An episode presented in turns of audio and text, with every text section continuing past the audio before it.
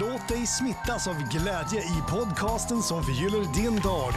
Välkommen till Glädjepodden med Sandra och gäster. Den här veckan så bjuder Glädjepodden på ett simpelt avsnitt eftersom att det är onödigt att krångla till det. Och just nu så är jag inne i en simpel period höll jag på att säga, men jag håller på att försöka göra mitt liv så simpelt som möjligt. Så det jag ska göra idag, det är egentligen bara att jag ska återberätta en historia som jag vill dela med hela världen. det är en sån där historia som, när jag hörde den här så fick jag gåshud. Du vet när man får så mycket gåshud att det är så här, man får gåshud på typ ögonfransar och tånaglar. jag vet inte om du har upplevt det någon gång. Vi får väl se hur jag kan återberätta den här historien nu. Så kanske du får uppleva någonting åt det hållet. Jag skulle nästan kunna garantera att du kommer bli glad i alla fall. Men jag säger ändå, som jag ofta brukar säga inledningsvis av podden, att eh, ta till dig det som resonerar med dig och så lämnar du resten.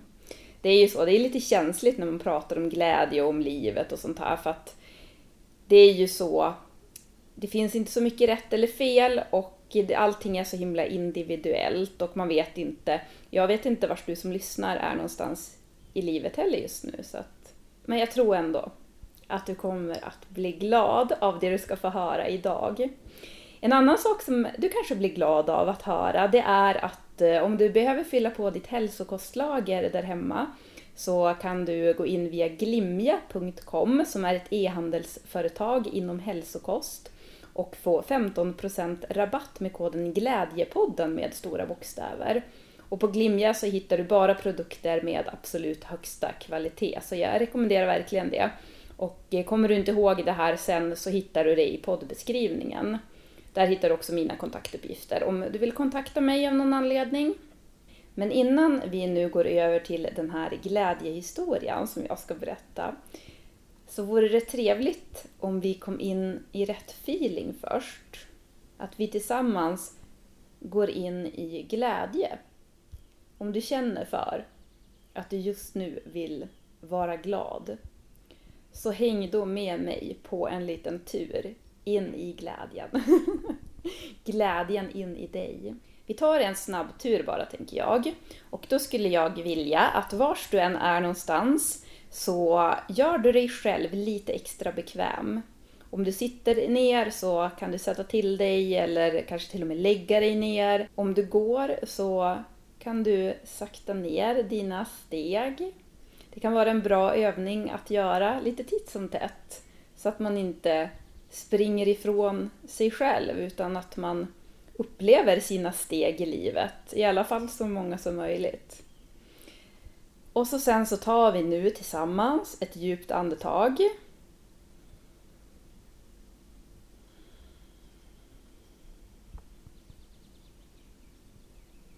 Och så sen så känn in din kropp. Känn in om du är spänd. Går du eller sitter du och spänner dig? Försök att slappna av så mycket som möjligt. Slappna av även i ansiktet. Låt som ansiktet bara hänga. Låt öronen hänga. Och eh, sen så släpper du taget nu om det du har i ditt huvud. Så det du går och funderar på det, i ditt liv just nu, det släpper du för en liten stund. Och sen så unnar du också dig själv att släppa föreställningen om vad du har för eventuella problem i ditt liv. Om du har någonting som tynger dig. Så släpper du det. Du släpper alla dina rädslor. Och bli inte rädd för det, för du kan ta tillbaka dem sen. Men nu för en liten stund så får du släppa allting sånt. Och så släpper du också föreställningen om den du tror att du är. Så försök att egentligen bara känna att du släpper allt. Känner du vad som händer då? Om du inte lyckas släppa någonting så är det ingen fara med det. Men det som ofta händer när man tillåter sig att släppa allting, även om det bara är för en liten stund. Så det som är kvar då, det är bara glädje. Jag brukar göra den här övningen när jag har kört yoga. Efteråt när man ligger då i avslappning så brukar jag då känna som att ja, men jag låtsas att allting, alla mina föreställningar om allt, hela så här, den jag är. Allting sånt, sånt kan ju vara lite läskigt att släppa taget om. Alla sina föreställningar och så. Men då brukar jag känna så att ja men det här kan jag släppa någon minut nu, jag klarar mig utan det. Någon minut i alla fall. Och så låtsas jag som att det sjunker rakt ner i marken under mig. Och så känner jag sån här eh, obeskrivlig glädje, för då är det bara glädje kvar. Och då funderar jag på om det är så att den vi egentligen är, det är bara glädje.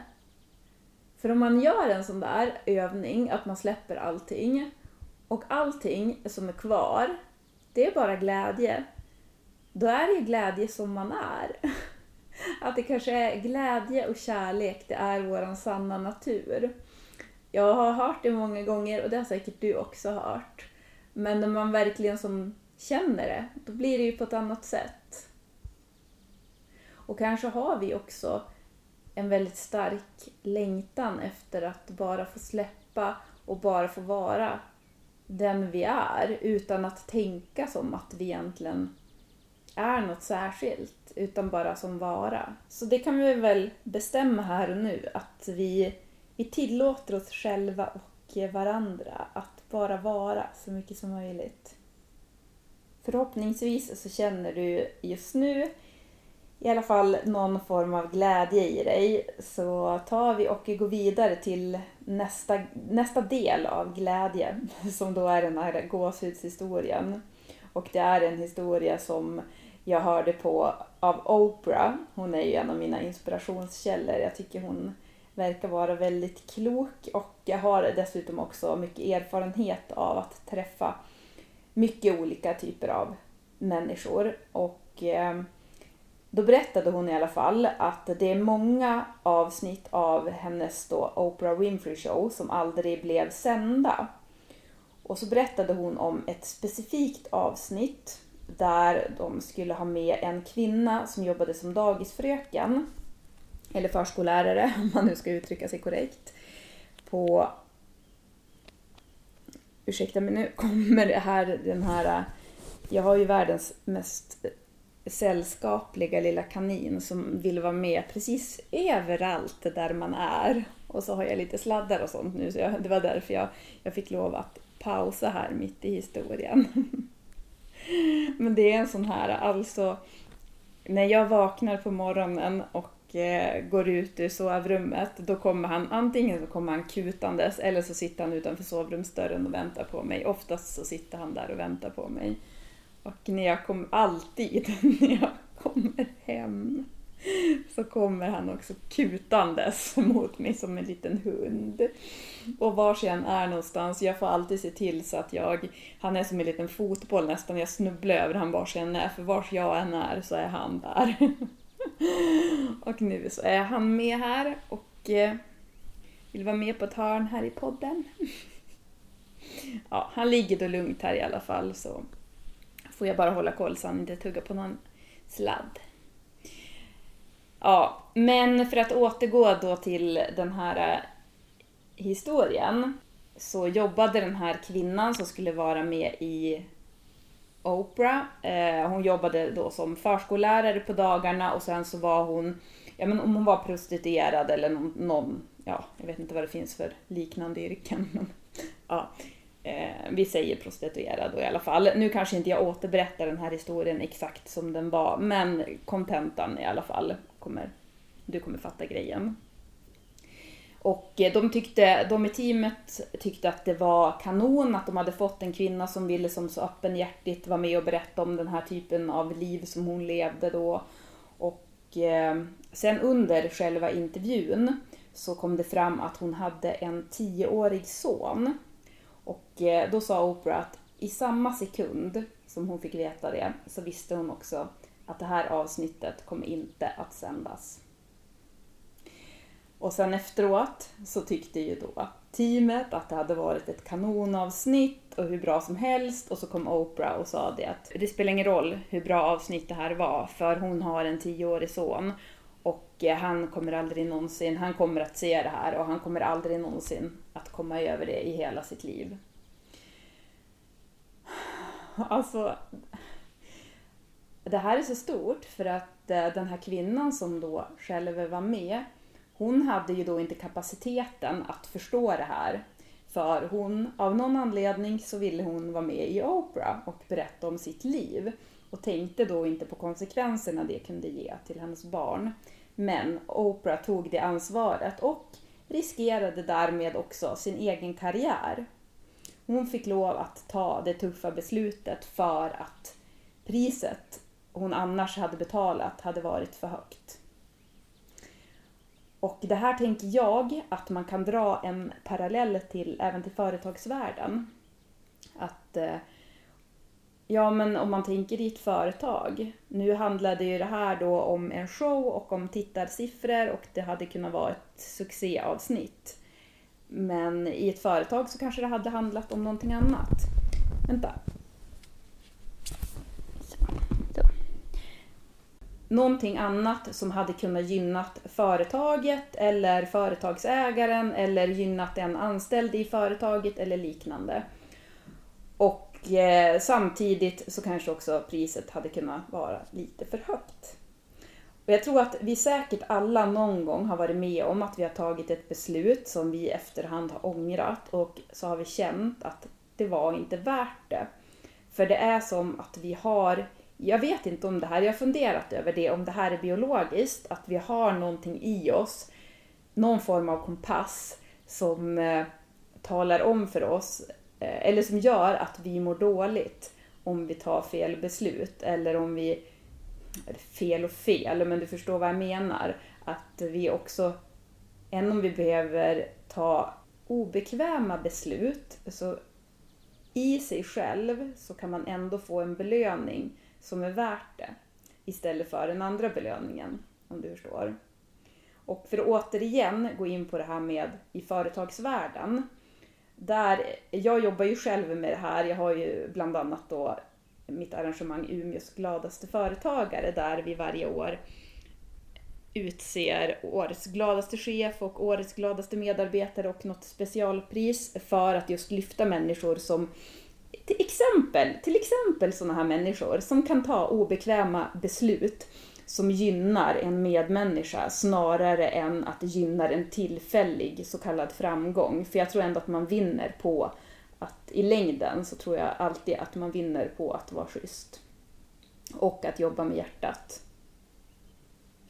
Och där så har Simon Sinek, han har sagt det så fint, han pratar ju mycket om det här med empati och eh, då har han sagt det så bra att i militären så blir man ofta belönad om man gör någonting för sina kamrater. Medan det i företagsvärlden ofta är tvärtom, att där handlar allting bara om en själv. Att det är som ja, men man får en guldstjärna om det är så att man själv lyckas eller att företaget lyckas snarare än att man gör någonting för någon annan.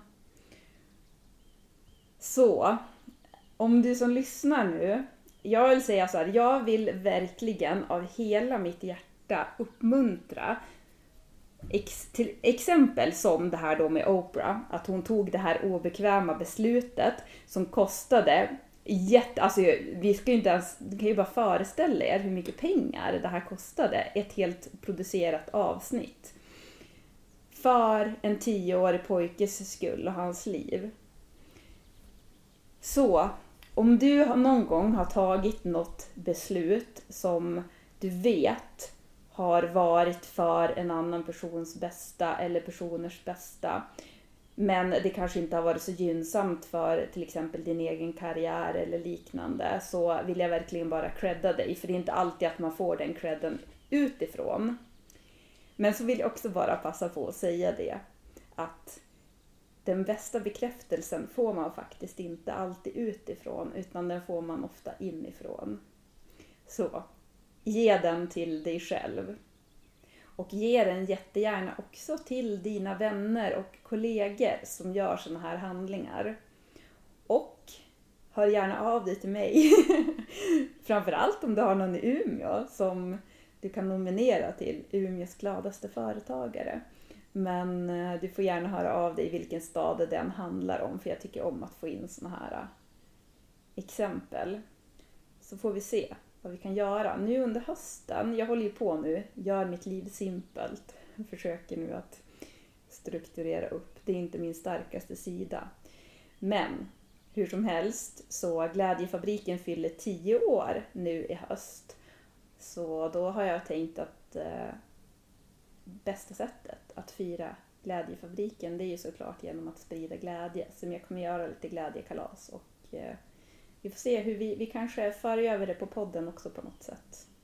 På tal om då det här med att nominera och sådär.